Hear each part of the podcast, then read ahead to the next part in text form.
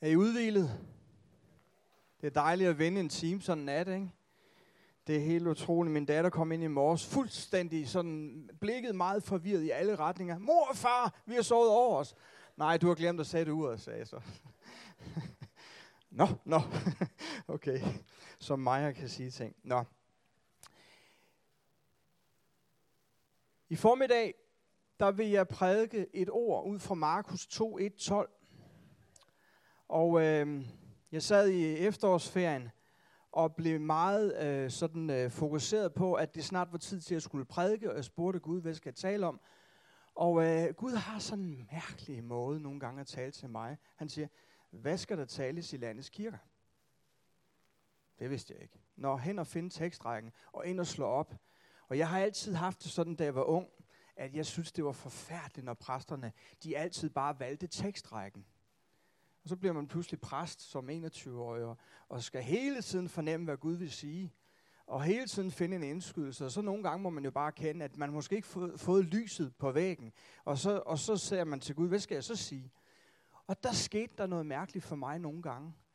At når jeg så gik ind og så, hvad de sagde i landets folkekirker, så når jeg gik ind og læste teksten, så bliver jeg udfordret på en anden måde, end hvis jeg hele tiden hørte de samme budskaber og delte de samme budskaber. Så bliver jeg ligesom sparket ud nogle budskaber, som vi måske som frikirkepræster nogle gange har en tendens til at springe over og ikke fortalt. Og den udfordring har jeg synes var spændende. For det betyder også, at så kan jeg ligesom øh, sige, det er det, der bliver forkyndt i Danmark i dag. Det er ikke vildt? Der lyder et ord til Danmark i dag fra landets prædikestole, og det lyder også til os her i dag, og jeg kan love jer for, at Gud har virkelig åbnet ordet. Så meget, så jeg ikke er i tvivl om, at han har noget til os i formiddag. Og det har jeg ofte oplevet, men øh, det er tankevækkende. Hvis du nogle gange siger, herre, tal til mig, måske bare nogle gange gå ind i en andagsbog og sige, herre, vil du tale i dag? Hvad siger andagsbogen? Læser du UCB? Det er nogle gange, det er så stærkt, det der kommer frem der. Så jeg har sådan en følelse af, at Gud har mange måder at tale til os på. Og i formiddag, der har han virkelig noget til os, kan jeg mærke. Den kendte pioner, hvad skal man sige, genopdager William Carey, som, som vi selvfølgelig ikke kender, fordi han døde altså i 1833, så vi har ikke været til kaffe hos ham og te og lavkage. Men han, han var en kendt baptist, som ligesom historisk gav missionen ny genopdagelse i Europa. Jeg ved ikke, hvorfor man i mange år ikke havde haft mission på dagsordenen i, i europæiske kirker. Men William Carey, han baptist, han, han vågnede op og begyndte at brænde for mission. Og der skal lov for, at der begyndte at ske ting. Han havde et motto, som han huskes på. Han sagde, våg store ting for Gud, og forvent store ting af Gud. Altså, våg store ting for Gud, og forvent store ting af Gud. Og i formiddag, der vil jeg fortsætte i det, jeg talte om sidste gang, om, at jeg drømmer om at se, at vi som fællesskab bliver en kirke, som bliver dygtige til, eller ikke dygtige, men bliver brændende for at bære mennesker ind i Guds nærvær. Og jeg får næsten lyst til at spørge, sidder du her i kirken for første gang i formiddag? Tør jeg bede dig række en hånd op, hvis du sidder for første gang? Er der nogen, der er her for første gang i deres liv? Velkommen. Jeg håber, du kan forholde dig til vores interne sprog på sådan en gudstjeneste, for vi er selvfølgelig påvirket af, at vi har nogle bestemte kulturer, som præger os. Men jeg håber, at Gud vil åbne det, også for dig.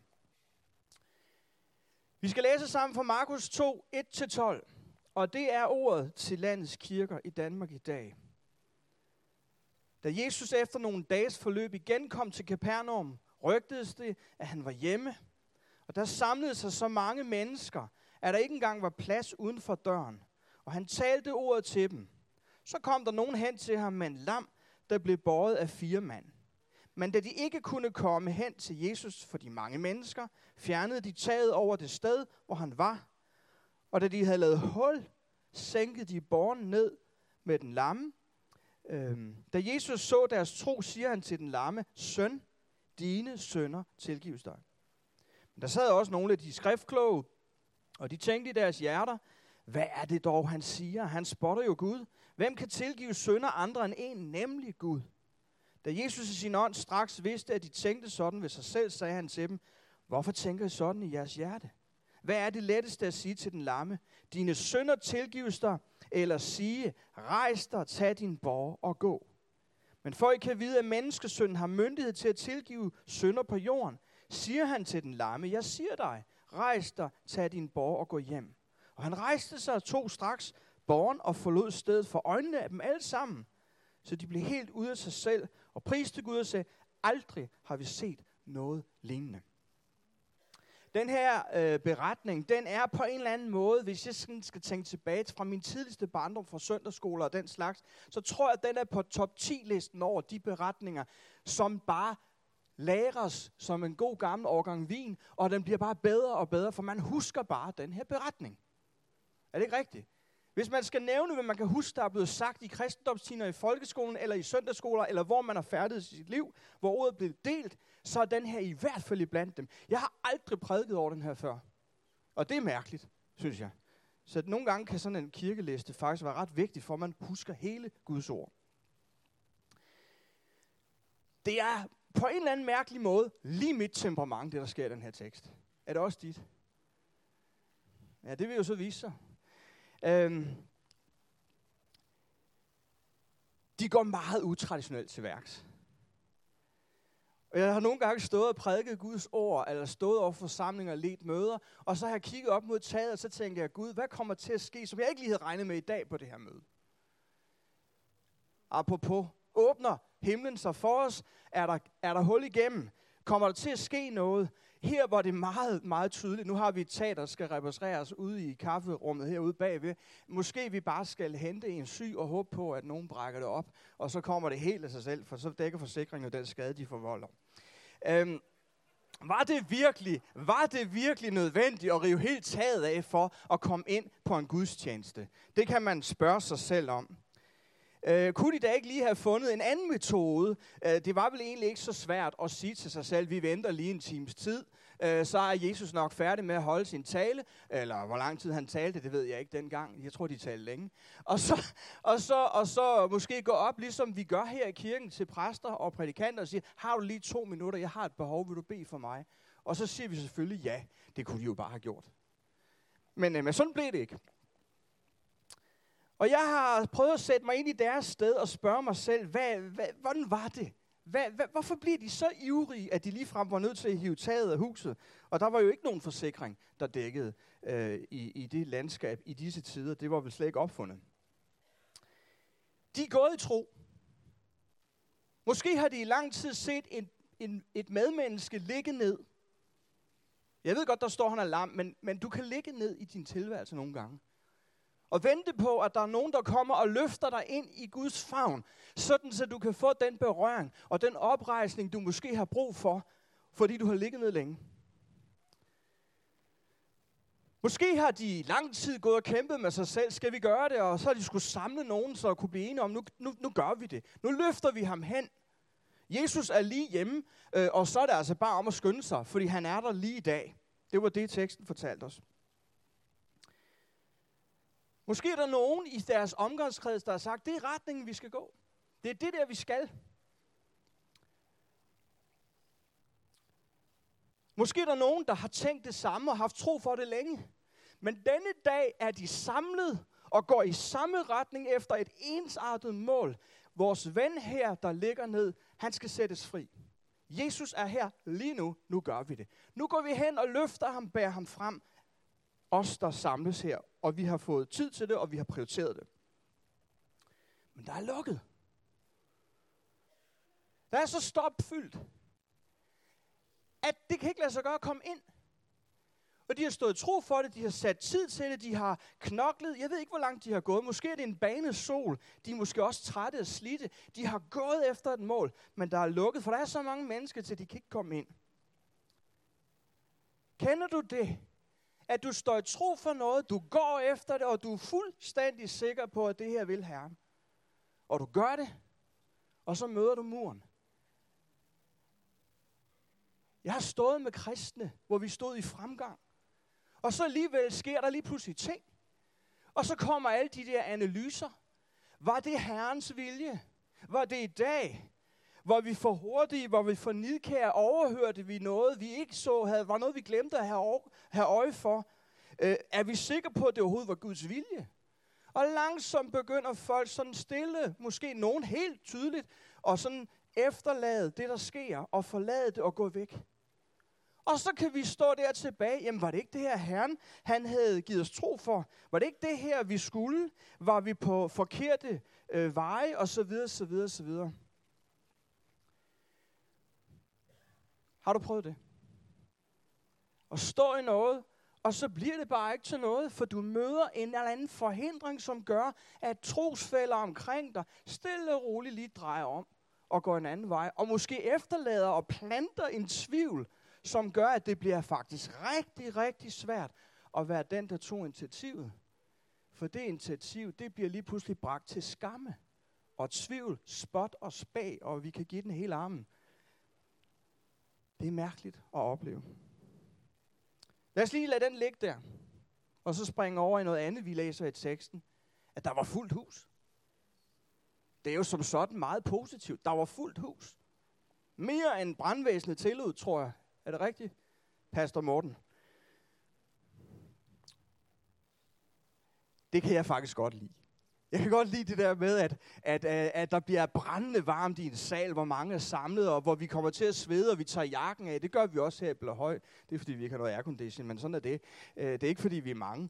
Øh, men, men, men, men det der med, at der er så stopfyldt, at vi, at vi sveder, og vi virkelig knokler med at, at sige til os selv, jeg vil have det hele med, på trods af, at jeg faktisk har lidt svært ved at trække vejret, jeg får brug for en flaske vand og sådan noget. Men det er fantastisk, når det er sådan i Guds hus og forsamling. Når der er så mange, at vi faktisk med viljen skal sige til os selv, hvor er det herligt, vi er så mange, så må vi finde en løsning på pladsproblemet en gang, når vi får tro for det. Her blev det et problem. Her blev det et problem, at der var så mange. Og jeg har sat mig selv ind i teksten, og jeg har sat os ind i teksten og sagt, lad os forestille os, at det er os, der slæber den borger. Må man det? Øh, det? Det må man i min fantasi. For jeg tror, vi står i mange situationer, hvor vi slæber på et eller andet i tro, og så skal vi til at finde ud af, om vi kan få fælles fodslag og holde det fast i Danmark, i demokratiske kirker. Hvor kan det være svært? Når vi pludselig møder forhindringen. Vi slæber på et medmenneske, og vi kan ikke komme ind, for kirken er stopfuld. Nu er det altså bare et hus, de er i. Der er en masse mennesker, der er gået ind før os. Vi ved, hvis vi kommer derhen, så begynder der at ske ting og sager. Men der er andre, der har tænkt det samme, og de er så kommet ind før os. Ærligt talt, venner, det er aldrig nemt, og det er aldrig sjovt. Når man tror, man skal noget for Gud, og man trives med at gøre det, det kan være, at man spiller guitar, eller man spiller trommer, eller man vil sidde i menighedens ledelse, lederteam hedder det her i kirken, eller hvad ved jeg. Og så er der nogle andre, der har sat sig i rollen før os. Har du prøvet det? Der er andre, der har tænkt det samme og føler sig kaldet til det samme, lidt til det samme, og de hopper så ind, og du står sådan og tænker, jamen hvad skal jeg så? Hvor vil du hen, Gert? Jamen, jeg, det, det, jeg får bare den sidetanke, når jeg lige står og prædiker over det her, at det er altså bare sådan nogle gange, at der er altså nogen, der kommer før dig og mig. Og så skal vi navigere i det. Hov, hvad var det nu for noget? Hvad skulle de her fire mænd gøre? Skulle de sætte sig ned og vente, som jeg sagde før? Hvad ville vi have gjort som betjanitter? Eller hvad vi kalder os fra Betania? Hvad ville vi have gjort? Der er noget i de her mennesker, som taler til mig. Og det er, og det er mit første punkt, de er ivrige. De er ivrige efter at bære et medmenneske ind i Guds favn og Guds nærvær i form af Jesu til fysiske tilstedeværelse i dette hus. Og jeg spørger os som menighed, har vi samme nød for vores medmennesker? Har vi samme ivrighed? De er godt nok ivrige, når de hiver taget af et hus. Det, det, altså, det, det, det siger noget om, om, om øh, hvor der er vilje, der er der vej. et nej, det er ikke i orden. Vi tager et ja, vi går ind. Okay? Men ved I hvad, må jeg provokere os selv og sige, også mig selv. Og jeg, og jeg har virkelig spekuleret, om jeg skal sige det her. Men jeg siger det alligevel. Så må jeg give mig slag ud i døren, når vi siger farvel til den. Så ofte bliver vi som kristne, som flokken, der sidder inde i salen og glemmer, at der står mennesker ude på gaden, eller ude i vores lokalsamfund, ude i vores normale hverdag, som faktisk har brug for at komme ind og sidde på vores stol. Er det rigtigt? Vi bliver så ofte øh, kristne, som lever nogenlunde i samme øh, økonomiklasse, hvad, middelklasse, eller hvad vi nu er. Og vi har vores faste ugeskemaer med ting, og så det kan godt være, at den ene er pædagog, og den anden er, er, er hvad hedder det, elektriker, eller tømmer, eller, eller direktør for en virksomhed. Så der kan så være lidt lønforskel. Men, men alligevel, vi lever nogenlunde i nogle bestemte mønstre. Og så ser vi et samfund. Mange af dem arbejder jeg med ude på Sønderborg Efterskole hvor livet er et dagligt mareridt og en kamp. Bare det at have børn. Jeg snakkede med flere af vores unger på skolen her efter eftersøgen. Mange af dem, de har haft en forfærdelig uge. For de er ikke elsket i de hjem, de kommer hjem til, og de frygter juleferien. De vil hellere være på en skole med en flok lærere og nogle volontører, fordi der er der tid til at blive elsket. Men de der hjem, der er så hårdt prøvet, har vi så meget et samfund, hvor vi har vores på det tørre, men der står nogen udenfor og kan ikke komme ind. For vi sidder lunt og godt, glæder os til juleaften, så skal vi se vores kære børn, eller hvad vi har, vores forældre eller svigerforældre, eller kusiner, du, hvad hedder, niæser og alt det der. Og vi glæder os, men folk står udenfor, er helt uden for vores varme fællesskab. Vi skal ikke følge jer fordømt, men, men, men det er jo virkeligheden. At vi sidder lunt og godt nogle gange, og alt er dejligt.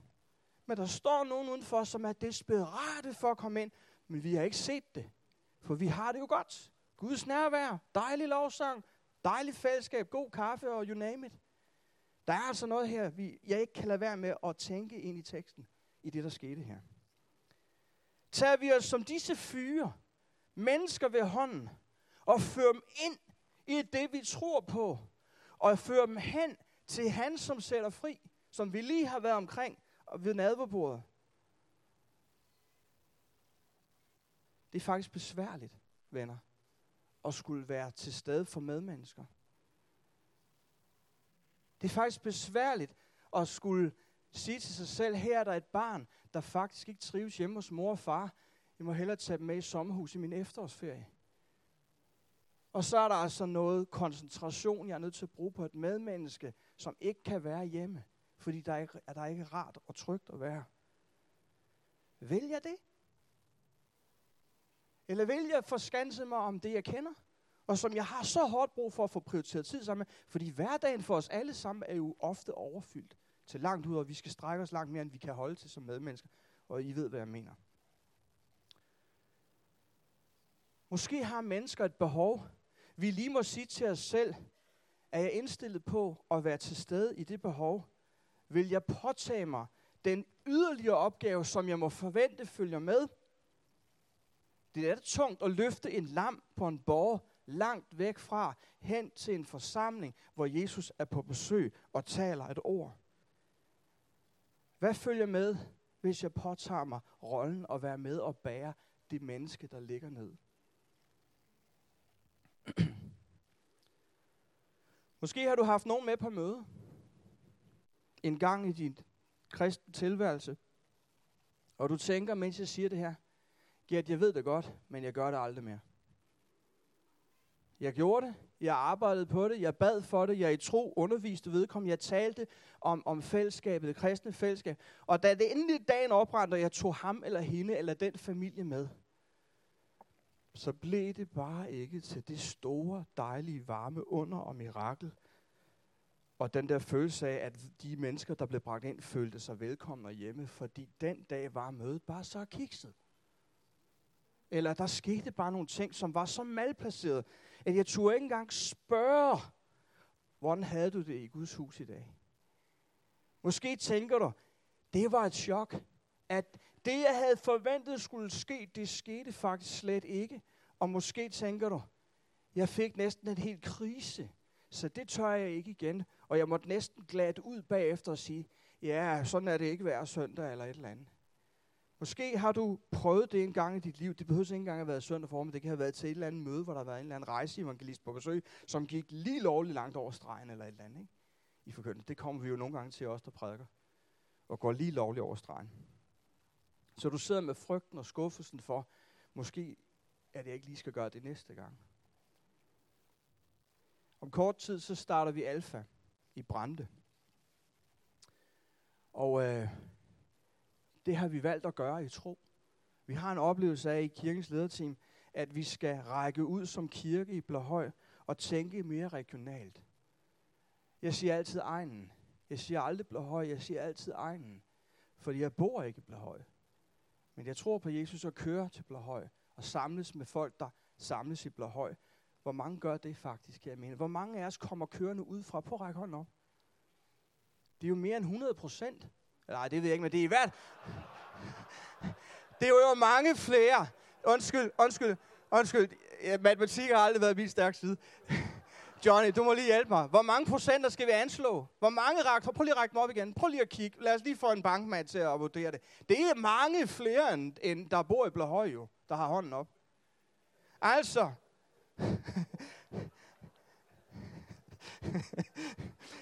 jeg fik altså et tital i, i, i, til, til eksamen i matematik. Jeg ved ikke hvorfor, men det fik jeg. I den gamle karakterskala. Det, det var vist to karakterer lige før 13. Men okay, jeg synes selv, det var meget, meget flot dengang. Og det kan I jo godt give mig ret i. Det har nok været mere end det fortjente. Nå.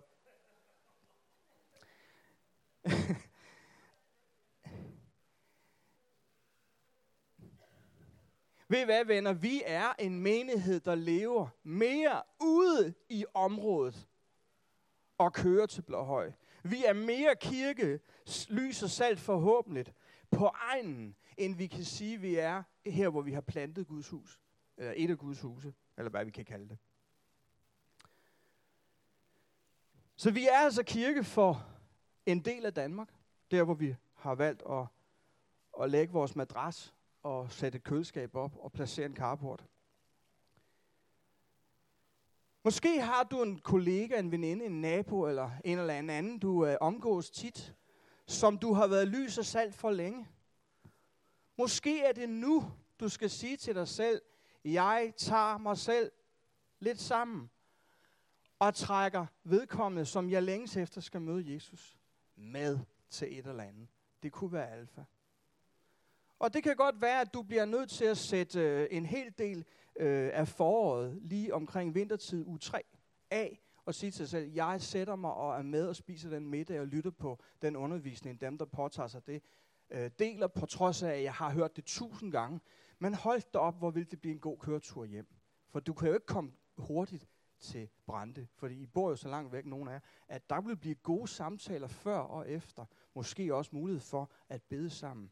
Så kære venner, kære menighed, prøv at se nogle muligheder og tænk, ja, det bliver en periode på en 14 gange i træk. Du behøver jo ikke være med hver gang, men det kunne blive en vigtig, frugtbar tid for dig og det menneske, du tager ved hånden. Amen.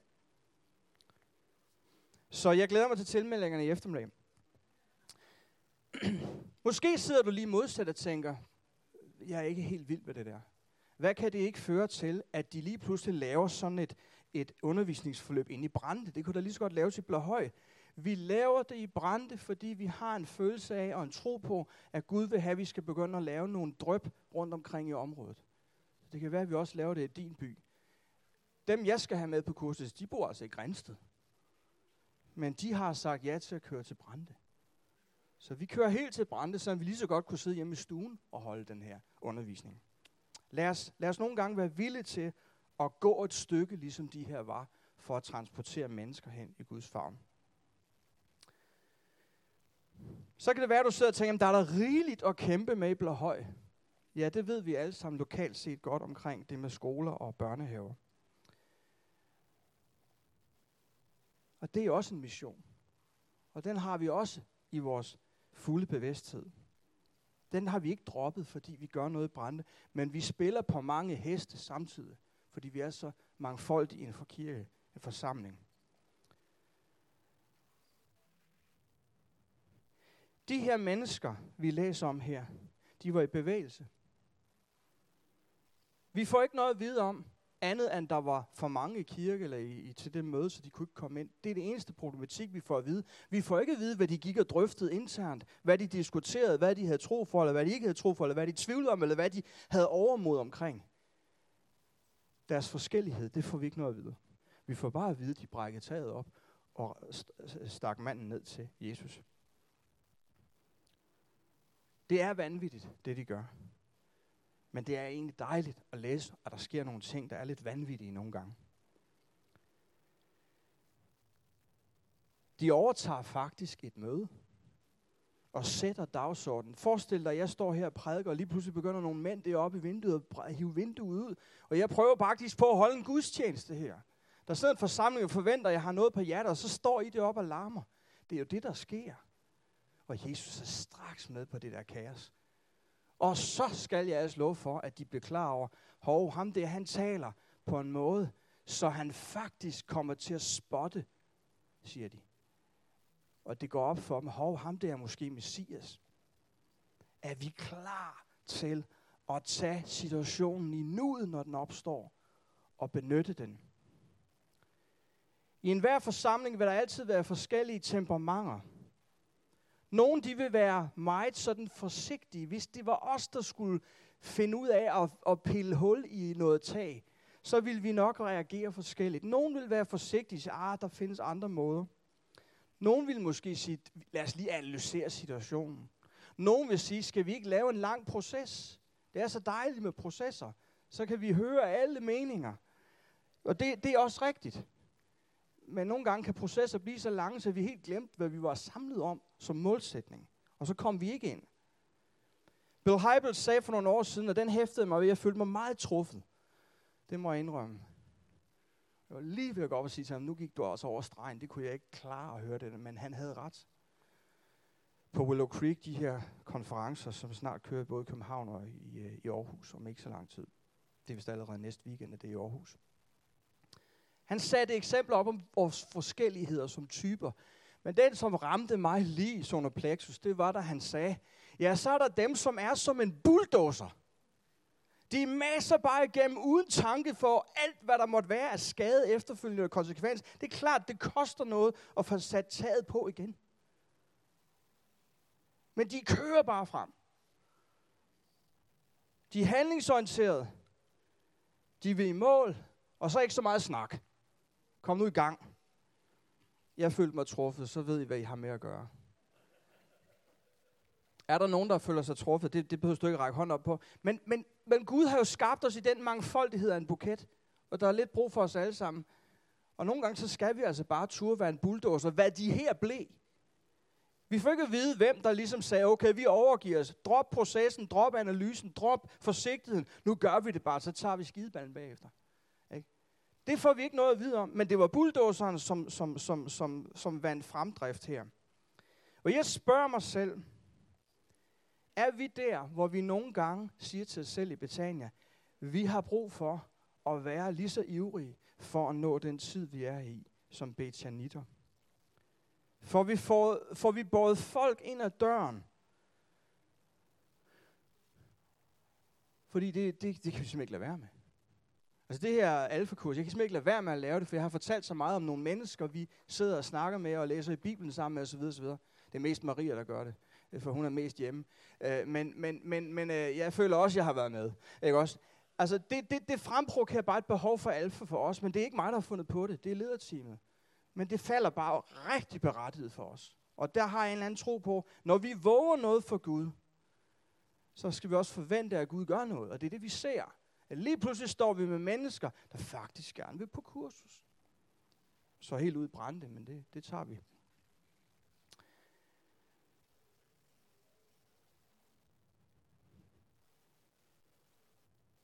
Jeg spørger mig selv, om der er områder i mit liv, der gør, at jeg kommer til at stå i vejen for, at mennesker kan nå ind.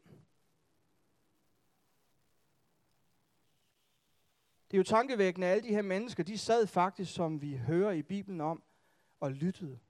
Vi har en beretning med Martha og Maria, hvor, hvor Maria sidder ved Jesus fødder, og Martha, der styrter rundt. Hun får faktisk en lille formaning af Jesus og siger, at Maria valgte den gode del. De sad faktisk og lyttede på, på et vigtigt budskab. Og Jesus måtte, mens de sad der og lyttede og gjorde noget, som var rigtig godt, så måtte han bruge øjeblikket til at forklare det vigtigste. Det er tankevækkende, at vi husker det med taget. Vi husker det, at der var mange. Men husker vi også, at Jesus faktisk forkyndte, hvad han var kommet for at gøre, og hvem han var? At han faktisk satte tilgivelsen før helbredelsen. Husker vi det? Det kan jeg ikke engang huske, hvad jeg har tænkt. Jesus stod i hvert fald i nuet og tonede rent flag. Og delte en sandhed med dem, som det faktisk viser sig, at de havde lidt svært ved at gribe og tage imod.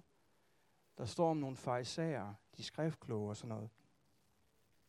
Et vigtigt budskab, en vigtig retning, som Jesus deler med dem. Og han ved, uden de har sagt noget, så ved han sit hjerte, de forstår ikke det her. De har ikke tro på det her. Og der må jeg så også provokere mig selv, og jeg vil også gerne være med at provokere i formiddag ud fra det her budskab. Hvordan er vi, når der bliver lagt noget frem, hvor vi ikke er i tvivl om, her er der noget vigtigt, der skal ske? Er vi også nogle gange måske lidt langsomme til at sige, ja, det, det er rigtigt? Er der noget bekymring i os, som nogle gange siger, ah, det ved jeg ikke, om jeg helt tør? Jesus havde faktisk formået at samle rigtig mange mennesker.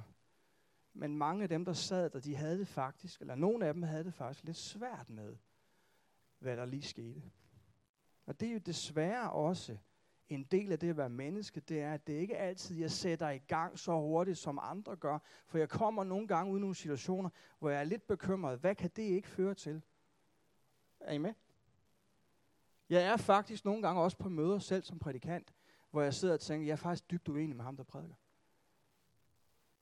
Om at gå stille hjem og være forsigtig med mine udtalelser, for andre bliver velsignet, og jeg tænker, hvordan kan de blive det? Fordi det der, der var der noget galt der og der og der og der. Og alligevel, så, så må jeg spørge mig selv, om jeg ikke bare skal holde min mund, fordi der er et eller andet Gud har gang i, som jeg ikke helt kan forstå. Jeg kan nævne Benny Hinn, da han var i Danmark første gang. Jeg havde det rigtig svært. Kender I Benny Hinn? Nogle af jer? Jeg havde det faktisk rigtig svært med, med hans forkyndelse. Og jeg måtte læse hans bøger flere gange for at forstå, at det måske ikke var sådan, han mente det, som han fik sagt det. Altså nogle gange, så kan vi få det svært med noget, der sker i Guds hus, men det er måske ikke engang sådan, at, at det vi troede, der blev sagt, at det egentlig var det, vedkommende ville sige. Men jeg havde det i mange år rigtig svært med Benny Hinn, fordi han fik sagt noget, som jeg ikke kunne stå inden for. Når jeg så læser hans bøger, når de ligger herude gratis, så man bare kan tage dem, så kan jeg jo godt se, at han er jo meget mere nuanceret end som så.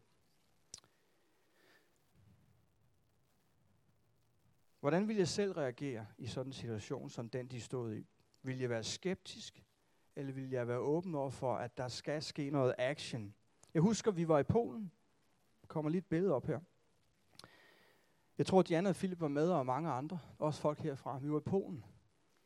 Og vi skulle holde friluftsmøde, og jeg siger til, øh, til alle de her unge mennesker, jeg tror, vi var 40 mennesker afsted, jeg til dem, i stedet for at rende rundt her og falde over ledninger, vi skal have virkelig ud, og højtalerudstyr, vi skal sætte op, så gå ud i parken, i den her park, hvor der er legepladser og mange mennesker, der sidder og ferierer. Gå ud og snak med mennesker. Bed for nogen. Vi er jo på sådan en tur, hvor vi går i apostlenes gerningers fodspor. Det er vores valgsprog, når vi er på missionstur med unge om sommeren. Gå, i, gå ud og gør noget. Og øh, led dem til Jesus og fortæl, at vi har friluftsmøde, sådan så de kan få at vide, at de skal komme til møde i kirken i aften. Vi er altid ude og lave lidt ravage, og så skal vi have lukket folk i kirke. Og så får kirken et lille boost, mens vi er der. Det er sådan, vi arbejder. Philip, han er jo typen, som aldrig viger sig tilbage for at bede for folk, der er syge.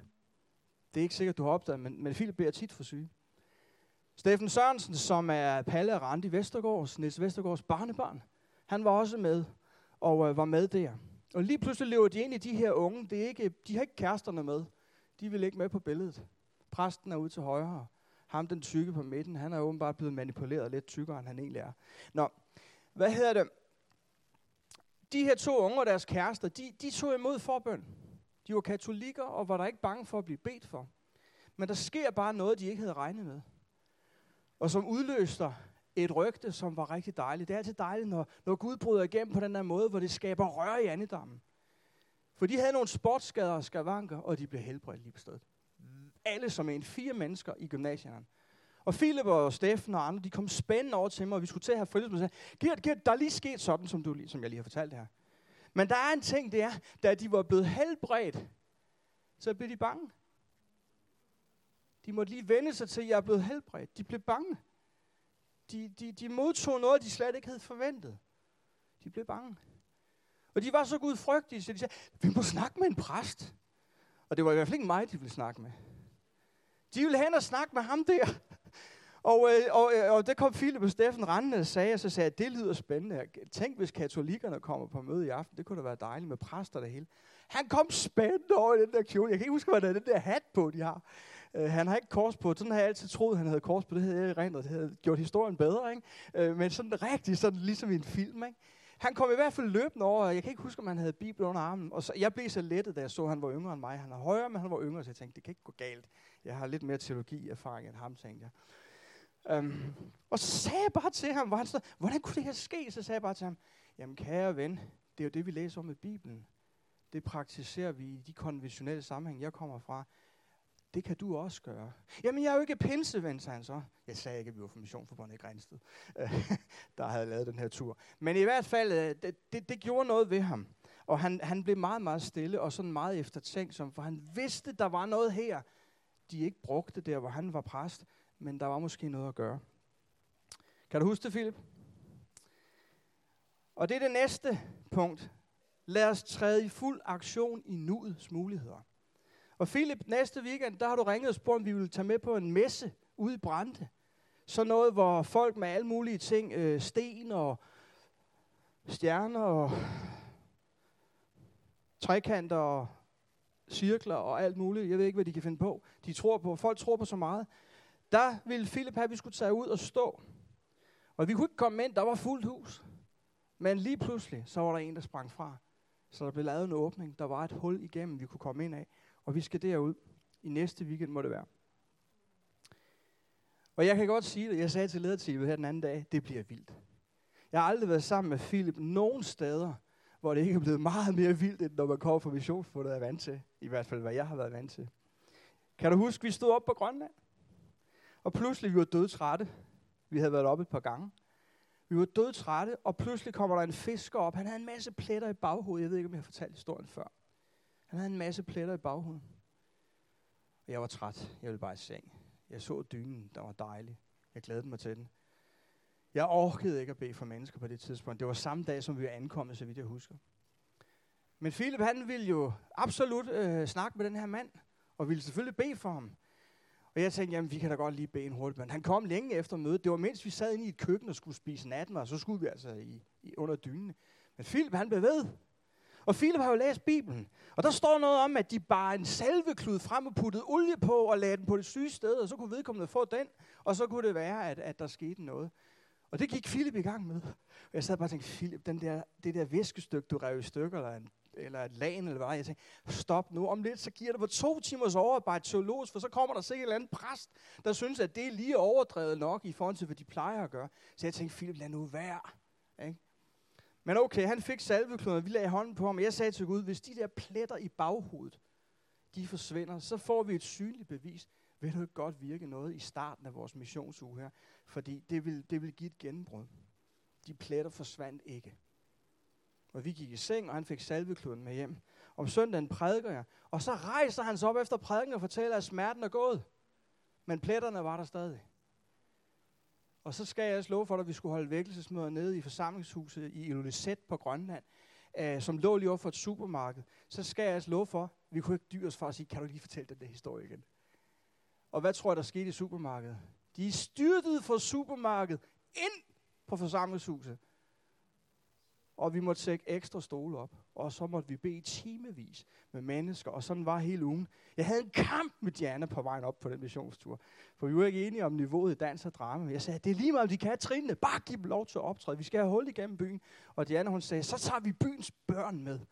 Og det var ikke særlig flot, det der dans. Men, men det blev et gennembrud. Kan du huske det, Diana? Vi, vi var faktisk ikke særlig gode venner på vejen op, fordi vi var meget uenige om kvaliteten. Men det blev et gennembrud, vi stod for. Samme uge, så siger præsten derop, Gert, jeg vil gerne have, at I om 10 minutter går over i det lokale fængsel. Jamen, jeg har jo ikke noget budskab, sagde jeg. Kan du ikke bare gribe gitaren og synge nogle af de sange, du synger? Og så tage Bibelen under armen. Herren vil tale, han er med dig. Våg noget, og Gud vil vise, at han er med. Ikke? Som William Carey sagde. Og vi gik ind i fængslet. Jeg må indrømme hjertet banke, for det var nogle store grønlandske kale, som havde drukket mange bajer og havde været i mange slagsmål. Og her sad jeg så bare med min lille bibel, og jeg anede ikke, hvad jeg skulle sige. Jeg havde bare en guitar under armen, og jeg vidste ikke, om de forstod, hvad jeg sang. Så satte jeg mig ned og sang, som i din åbne favn. Kender I den? Det var den, jeg lige kunne. Og da jeg havde sunget den, så begyndte jeg at græde. Jeg følte mig så magtesløs. Så sagde de der store brød, hvorfor græder du?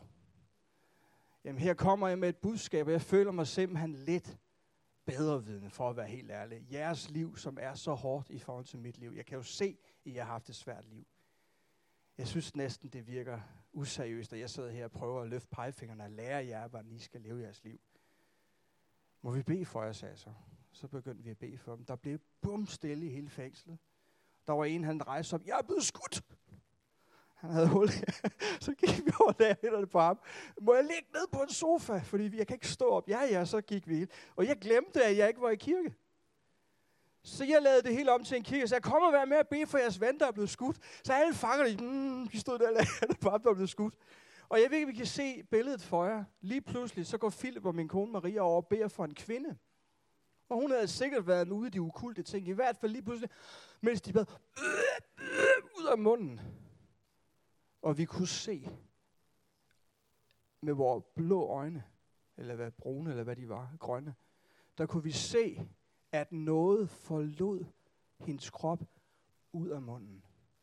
Det var så ekstremt, at, at, at, at vi faktisk stod med sådan en følelse af, Herren, han virker meget mere, end vi havde forventet, og vi kunne fortælle tusindvis, og det har vi ikke tid til. Men, men det, der skete, det var, så lige pludselig, mens vi stod der og bad, og de stod og lagde hænder på hinanden, alle de her fanger, fordi de turde nok ikke sige danskerne imod. Der er sådan en tendens til Grønland, at de bare gør, hvad danskere siger. Det skulle de måske ikke altid gøre, men det gjorde de altså den dag også.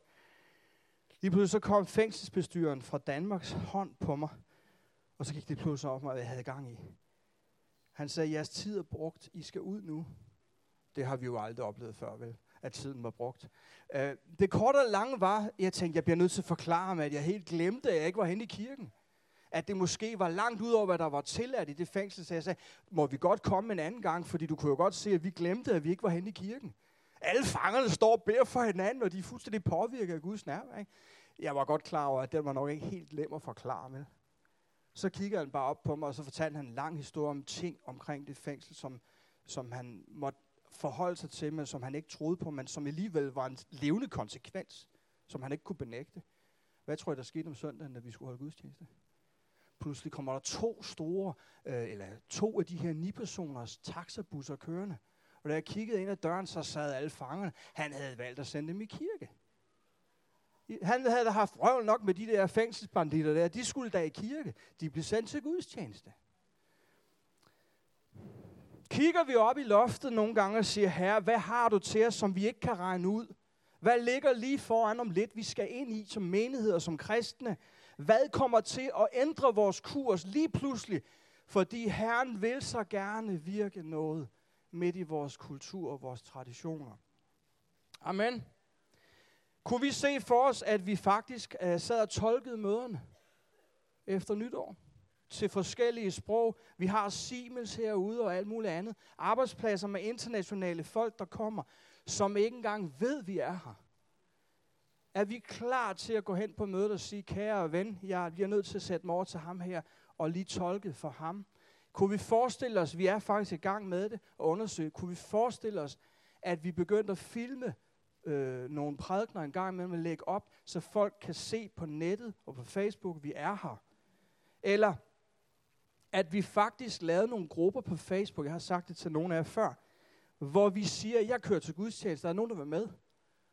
Og så tager vi lige måske at køre hjem fra en time tidligere, og måske også kommer en time senere hjem, fordi vi trækker alle dem med, som vi måske godt ved ikke kan komme på gudstjeneste.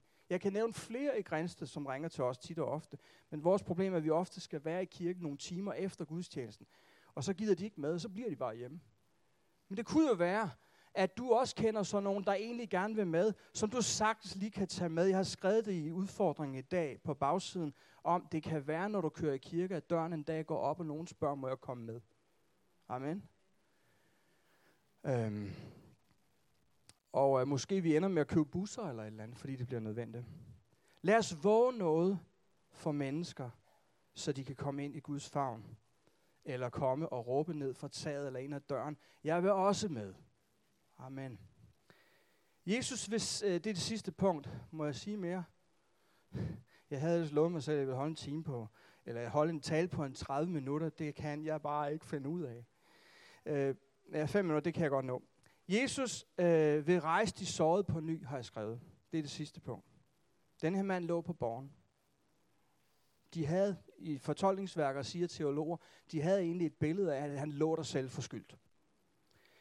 Mange af os kommer på et eller andet tidspunkt i livet til at ligge ned. Det kan godt være, at vi ikke bliver lammet, men vi lammes alligevel af ting og sager, så vi i hvert fald ligger ned og har det svært. Jeg husker, da jeg kom til Grænsted, vi skulle holde møde. For første gang ligesom en counter. Vi havde sat stole op. De havde kun været 15 på deres ungdomsmøder hidtil. Jeg sagde, sæt 50 stole op. Lad os, lad os sende et tydeligt signal og sige til os selv, vi går efter mennesker. Vi satte 50 stole op. Jeg gik ind om natten, jeg kunne ikke sove. Jeg sov på kontoret, vi boede i Maja, men jeg var nede to dage om ugen, og jeg lå og sov på kontoret. Jeg gik rundt mellem rækkerne, og så sagde jeg, Gud, jeg er bange. For du har sat mig i noget, du profetisk har mindet mig om for længe siden, og nu føler jeg, at jeg står i det. Men jeg er bange, for jeg har ramt en menighed, hvor jeg ved, der er mange, der ligger ned. Der er mange sårede, der havde været splittelse. Som i mange menigheder havde der også været splittelse i Grænsted. Bare få år forinden. Og jeg vidste, at jeg kom til at stå med børn af sårede mennesker, som måske ville blive sendt hen, fordi jeg var kommet. Og jeg gik rundt og bad mellem rækkerne. Og priste Gud for alt det, som han, hvis det var sandt, det der var blevet profeteret, alt det, der ville ske. Og som ingen nødvendigvis forventede ville ske, men som jeg i mit hjerte vidste, Gud havde vist mig. Og jeg gik rundt mellem rækkerne og bad, og jeg var grædfærdig. For jeg kunne se alle disse mennesker, som var rådet i krig med hinanden, og mennesker, der ikke kunne se hinanden i øjnene osv. osv. Og jeg vidste, at jeg skulle stå med deres børn. Så begyndte det at vælte ind med folk, der vi lavede Grow, og en dag skulle jeg bede med nogle af disse børn. Og jeg kunne ikke bede, jeg græd. For jeg kunne mærke smerten af, at mennesker, der måtte gå i kirke uden mor og far, mennesker, som havde haft forældre, der havde været med helt fremme, og som havde lagt stenene til meget af den store vækst, vi stod i, de havde været forgangsmænd men nu var det slidt op, såret internt imellem brødre og søstre i kirkelige sammenhæng. Og jeg bad, jeg sagde, Gud, hvis ikke det lykkes at få det her bragt op igen, så vil ufødte børnebørn ikke være kristne i næste generation. Jeg vidste det. Og jeg tror altså, vi skal, vi skal altså også forstå, at når vi bærer mennesker ind i Guds hus, så er der nogen, vi er nødt til at starte med. Og det er alle dem, vi måske ved i dybde vores hjerte, Herren siger, hvis du er uvenner med nogen, så gå ikke til nadver. Gå hen og forlig dig med mennesker, du ved, du kom til at træde over til Du var måske ikke engang klar over, men du finder ud af det senere i livet. Lad os gå hen og forlige os med mennesker, så vi kan bære dem tilbage. Amen.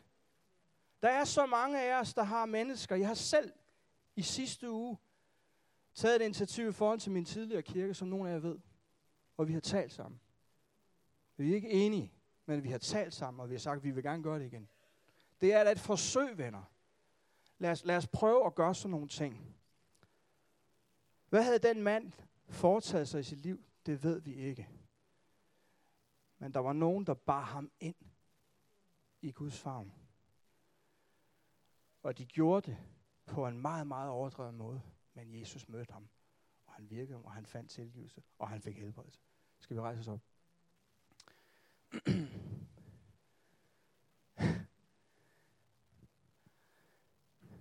Ej, jeg kan ikke tale så længe, for vi har 25 minutter endnu, så der er tid til, at Herren rører ved os nu, ud fra, hvad han måtte have plantet i vores tanker, mens vi har tilbedt ham og lyttet til ordet.